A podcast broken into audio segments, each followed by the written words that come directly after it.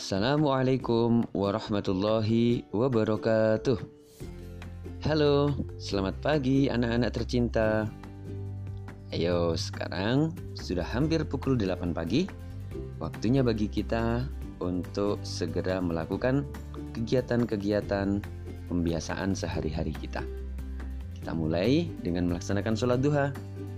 Setelah sholat duha selesai, ayo coba anak-anak kita kembali melakukan murojaah hafalan surah-surah pendek dalam Al-Quran. Di pertemuan sebelumnya kita sudah sampai pada surat Al-Qari'ah. Nah, hari ini kita akan melanjutkan memurojaah dua surat saja, yaitu surat Al-Adiyat dan surat Az-Zalzalah. Are you ready? Oke, ayo kita segera mulai.